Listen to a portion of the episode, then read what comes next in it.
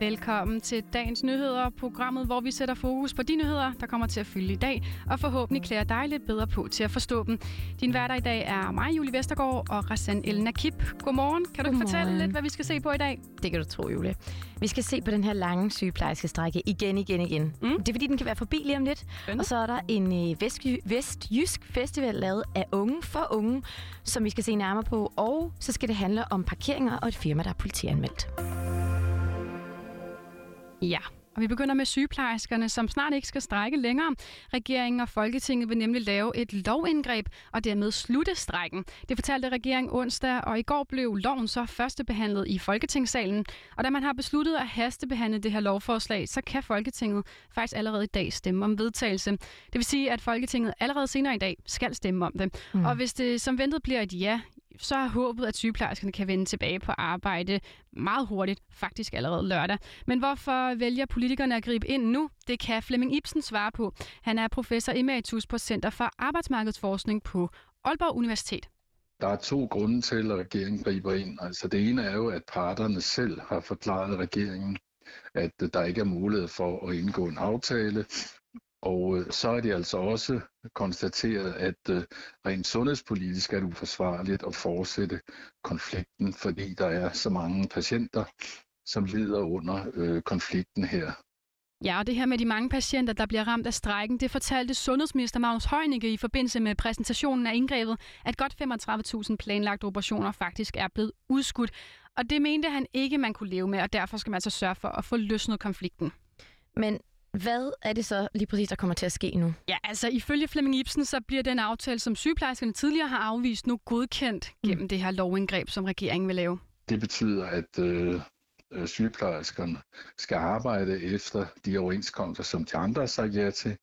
Og så nedsætter man en lønkomité, der skal arbejde, der skal kigge på øh, lønstrukturen i den offentlige sektor for at se, om der er problemer med øh, skævdeling, der er problemer med øh, ligeløn. Ja, den her lønkomité, den vender vi tilbage til lige om lidt. Lad os lige kigge på, hvad der helt konkret ligger i overenskomsten, der nu bliver til en aftale. Der vil nemlig give en lønstigning på 5% over de kommende tre år. Og så vil der også blive nedsat en fælles arbejdsgruppe, der skal sikre et introduktionsforløb for nyuddannede sygeplejersker, når de ansættes i regionerne. Og det er altså en aftale, som sygeplejerskerne tidligere har afvist, fortæller Flemming Ibsen. Det mærkelige er jo, at sygeplejerskernes ledelse både har anbefalet at stemme ja til de, det overenskomstforlig, som de andre sagde ja til. Det blev så nedstemt. Så sagde sygeplejerskernes ledelse også ja til det meldingsforslag, som parterne selv strikkede sammen. Det sagde medlemmerne også nej til. Så, så, så ledelsen er jo blevet stemt ned to gange i virkeligheden.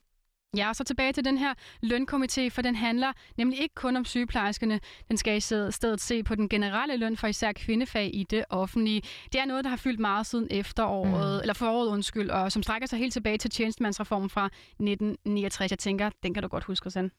altså, jeg var jo ikke født der. Nej. Men jeg ved godt, hvad den handler om. Ja. Altså kort sagt, altså den her øh, reform, tror jeg, der, der egentlig er, er, er grund til, at sygeplejerskerne mm. ligger på lavere løntrin i forhold til mandsdomineret fag. Eller Ja, præcis, fordi det er kvindefag, øh, som er blevet lagt under den her reform, og som bliver dårligere betalt. Og det er jo tilbage fra 69, det er mm. Mange år, altså. Mm. Det er for det år, min mor hun bliver født, og det synes jeg, øh, det er mange år. Og det er jo den her form, hvor 40 øh, offentlige faggrupper blev placeret på forskellige løntrin, og generelt så blev typiske kvindejob altså øh, placeret på de nederste løntrin. Ja. Og det er, hvad den her lønkomité skal se på nu. Den skal nemlig se på lønstrukturen i det offentlige. Men vil det så betyde, at der så kommer ligeløn? Ja, det er jo et utroligt godt spørgsmål. Altså, nu skal vi jo vente på komiteen først, og så må øh, politikerne jo så se, om de kan blive enige efterfølgende. Altså, da det blev diskuteret i Folketingssalen i går, der var især SF og Enhedslisten modstandere af lovindgrebet, men også over, at der ikke blev sat penge af til komiteens arbejde. Så på den måde mente de to partier ikke, at det gav mening at lave mm. arbejdet, for man kan jo ikke få ligeløn uden at bruge pengene. Mm. Nej. Det giver måske meget god mening, men selvom de her to partier, Dansk Folkeparti, på forhånd har sagt, at de ikke støtter indgrebet, så burde der altså være et flertal senere i dag. Og så skal det handle om parkeringspladser og en app. Mm. For øhm, kender du den der app? Easy App? Easy Park App, Ja. sådan. Ja. Som man kan bruge, når man skal parkere for at undgå at, at bruge de der automater. Ja, altså jeg er jo kæmpe fan af sådan nogle p-automater, jeg kan godt se det smarte i at bruge sådan en app. Jeg har, jeg har appen. Du har den. Ja. Var du så også klar over, at den pris, du betaler med appen, den er 15% højere, end når du går ned og bruger en automat? Nej, altså det, nej, det vidste jeg ikke. Og nu er jeg jo kæmpe nær i røv, så det irriterer jo mig at høre sådan noget der. Altså, jeg tænker, nær eller ej, så vil man jo gerne lige vide, Ja. at man faktisk skal betale lidt mere end den pris, der står. Ja, øhm, forbrugerombudsmanden mener i hvert fald, øh, at det ikke er tydeligt nok i appen, og derfor, øh, derfor også et problem, og nu har ombudsmanden så valgt at politianmelde EasyPack. Det fortæller øh, forbrugerombudsmanden Christina Toftegård Nielsen. Det er et problem, at det ikke fremgår tydeligt for os forbrugere, at det koster et gebyr at anvende appen. Fordi så kan vi jo ikke vurdere, om vi synes, det er en rimelig betaling for den ydelse, vi får.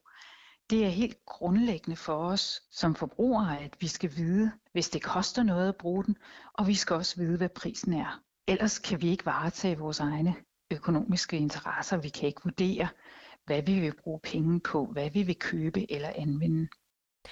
Øhm, hvis vi lige skal fortælle lidt om den her Easy Park app, så mm-hmm. kan Mhm. man jo bruge den, når man skal parkere, som sagt, og så skal man nemlig indstille appen, hvor længe man vil holde der, og så samtidig betale for det. Mhm. Hvis man så kører væk tidligere, så kan man bare stoppe sin parkering. Mm. Omvendt, hvis man gerne vil forlænge og har siddet lidt længere på caféen, end hvad man lige havde regnet med, så kan man også bare forlænge den tid. Og jeg tænkte egentlig, om jeg lige skulle øh, prøve at vise dig, øh, Ja. for jeg har faktisk fået at vide af forbrugerombudsmanden, som vi lige hørte her, Mm. hvad stien er ind til at kunne se, at man skal lægge de 15 procent til. Ja, Så kan du jo lige selv vurdere, om du synes, at øh, ja. Ved du, hvis du lige fortæller videre, så finder jeg lige appen.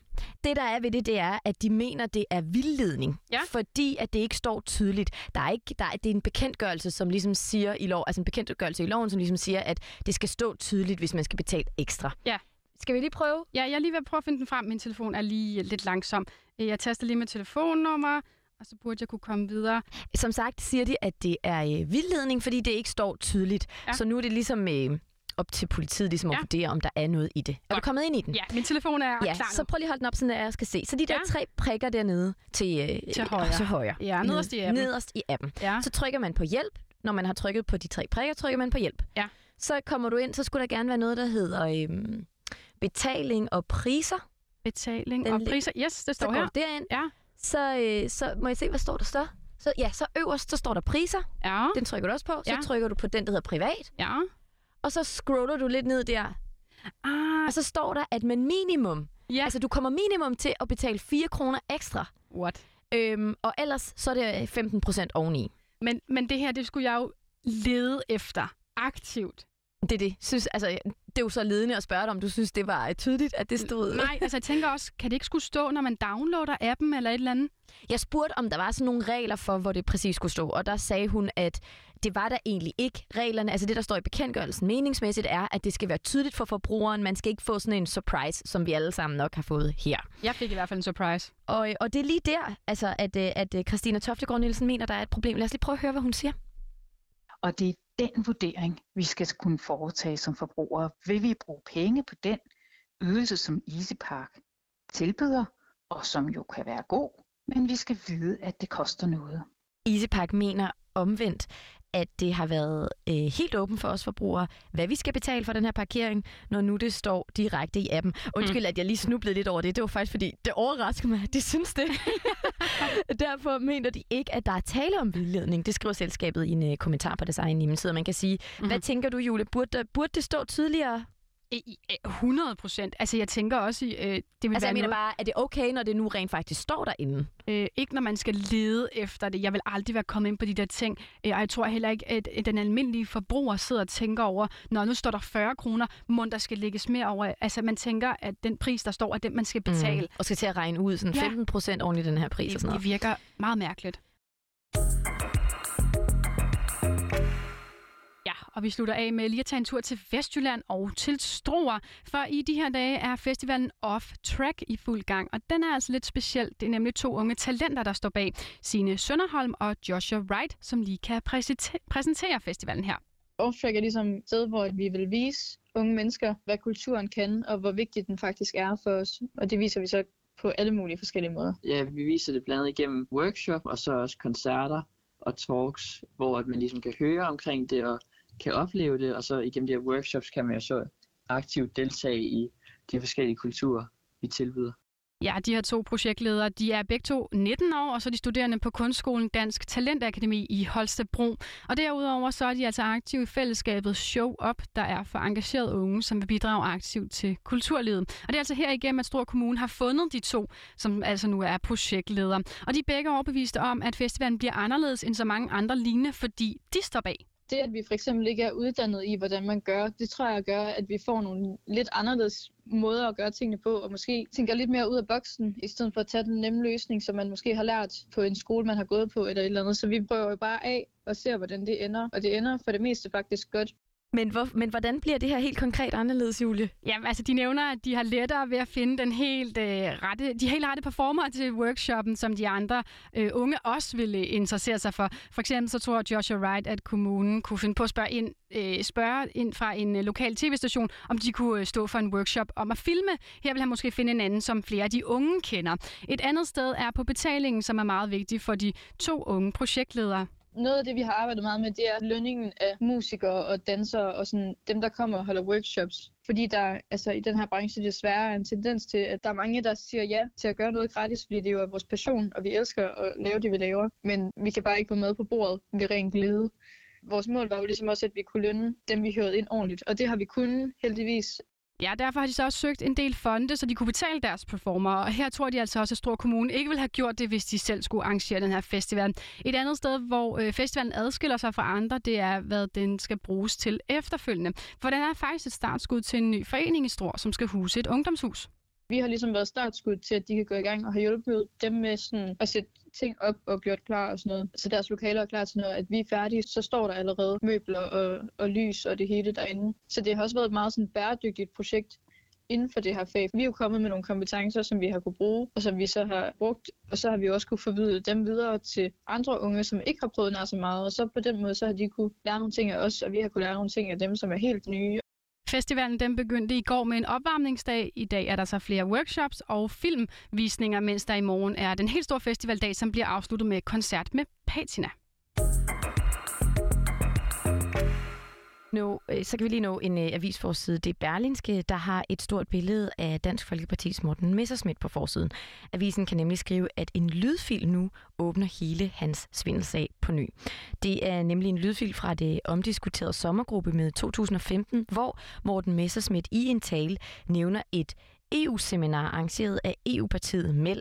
Noget, som ledelsen i partiet ellers afviste i retssagen, hvor Morten Messerschmidt fik seks måneders betinget fængsel for, øh, for to uger siden. Yes, og med det så nåede vi faktisk til vejs ende for den her udgave af Dagens Nyheder. Den mm. var øh, til retlagt af Tobias Tegård, Mathias Damgaard Holst og Freja Pasburg og Rassan Elnakip, der sammen med mig har været vært. Tak fordi du lyttede med.